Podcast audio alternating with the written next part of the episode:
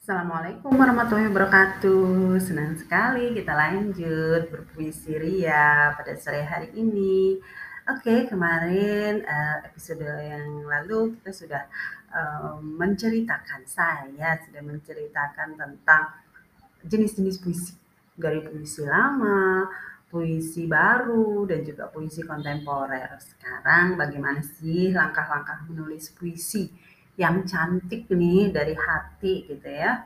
Yang pertama tetap kita menentukan ide dulu nih, idenya mau apa nih, karena ide itu merupakan uh, ruh untuk dunia menulis, termasuk juga menulis puisi gitu ya. Kalau kita nggak punya ide mau nulis apa, puisi apa sih, puisi cinta, nanti ke mana-mana nggak punya frame gitu kan, nggak punya kerangka, puisi cinta kah yang akan kita tulis, puisi uh, elegi, ratapan, kesedihan gitu kan. Kalau cinta kan cinta-cintaan, rindu gitu kan.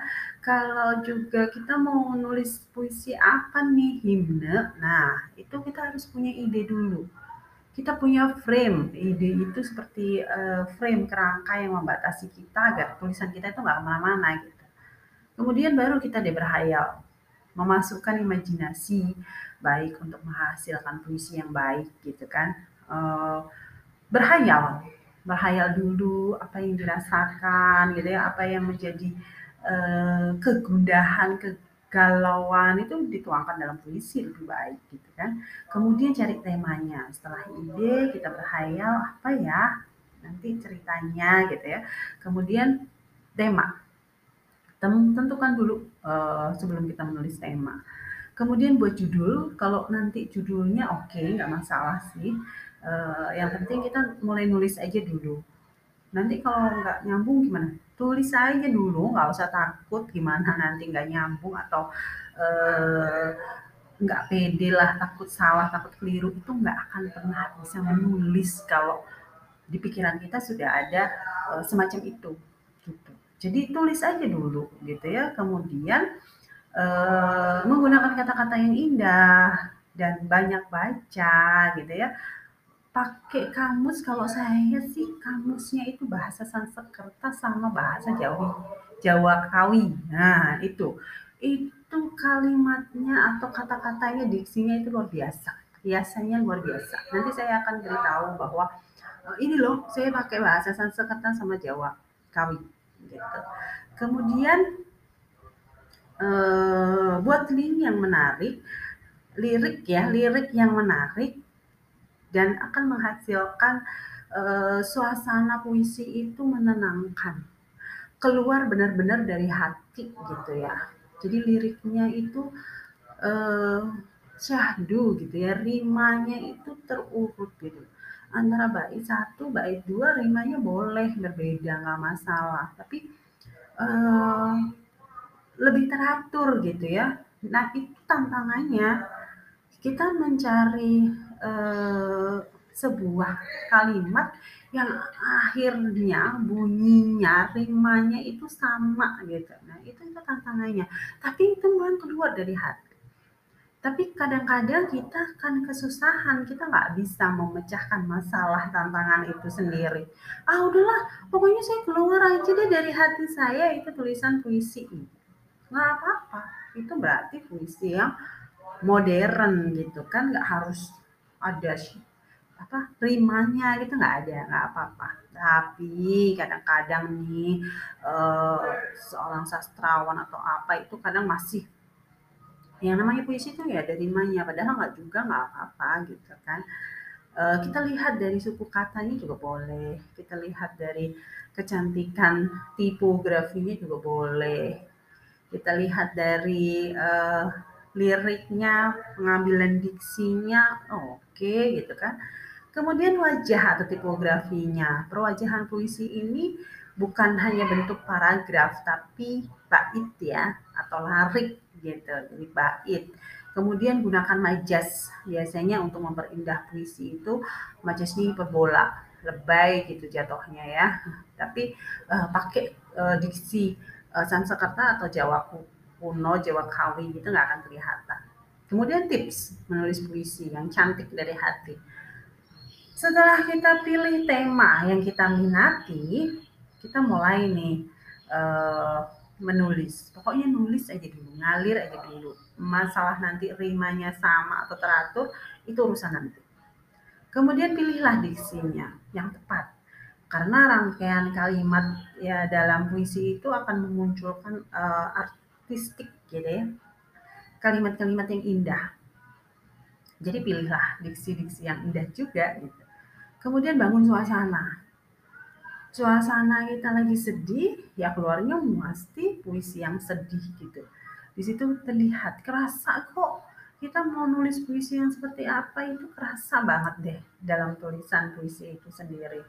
Uh, itu ditulis sebagai penulis pemula menuliskan puisi atau yang sudah jagoan gitu akan kerasa. Karena itu tadi puisi itu nggak bisa bohong deh. Pokoknya keluarnya dari hati banget. Baper. Bawa perasaan. Jadi puisi itu adalah ungkapan perasaan. Jadi harus membawa perasaan dalam menuliskan puisi. Nah, itu tadi. Kalau kita lagi sedih, pasti nulis puisinya yang sedih. Kalau kita lagi bahagia, pasti nulisnya bahagia. Jadi menulis puisi adalah menghasilkan karya cantik dari sebuah rasa, hati, dan dalam satu waktu. Gak bisa diulang puisi itu. Seperti itu lagi gitu. Misalnya kita pada saat ini sedih, kita nulisnya puisi, keluarnya puisi yang sedih gitu. Tapi suatu saat saya disuruh nulis puisi sedih, tapi saya lagi bahagia loh. Itu akan susah sekali. Jadi apa yang kita keluarkan saat itu, kita tuliskan puisi itu hanya satu waktu. Sekali waktu itu aja, nggak bisa diulang karena rasanya itu kan beda gitu. Nah itu puisi. Ini contohnya nih, saya pakai campuran bahasa Sanskerta juga bahasa dari kamus Jawa Kawi gitu ya, Laksmi Cata. Laksmi itu perempuan, Cata itu adalah kreatif. Ini saya ambil dari buku kumpulan puisi saya, uh, apa ya bukunya lupa saya. Dan akhirnya hanya melalui kata-kata seorang Laksmi mampu bercerita dalam sepi, walau hanya melalui pena yang menari mengikuti kata hati terus menulis, terus bercerita, dan terus menggores dalam sebuah untaian kisah yang abadi.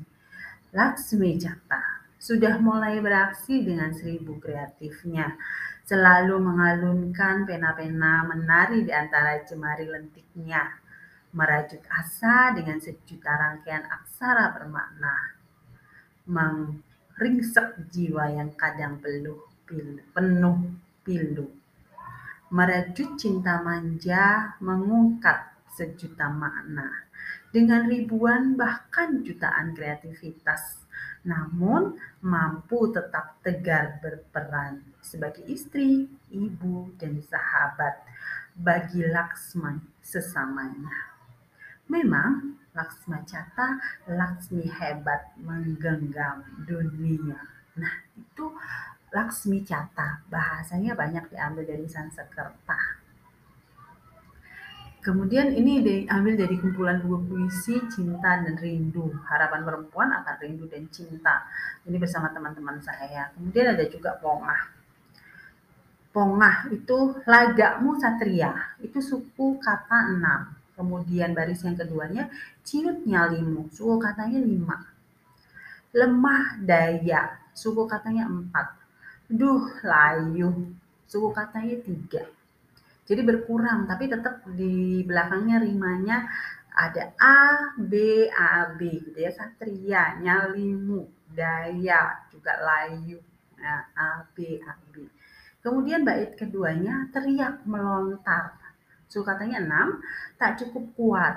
Suku katanya 5, hanya congkak bongahnya tuh katanya tiga jadi ini uh, syairnya atau rimanya a semua itu pongah ya berdasarkan subkata nah ini juga puisi beling. Wanita jalang. Saya juga yang ngarang ini ya empat suku kata. Ini turun dari banyak empat suku kata tiga eh, empat kata tiga kata dua kata satu kata. Kemudian baris yang keduanya satu kata dua kata tiga kata empat kata. Kebalik gitu ya. Jadi tipografinya bentuknya bagus kayak undak-undakan tangga gitu ya. Nah saya bacakan. Parasmu dan ayu rupawan. Senyum penggoda iman. Wanita jalang minal tajam, matamu liar, menusuk kalbu lelaki, perusak iman kumbang galau. Nah, ini ini estetikanya dari suku eh, kata, bukan suku kata ya, dari kata.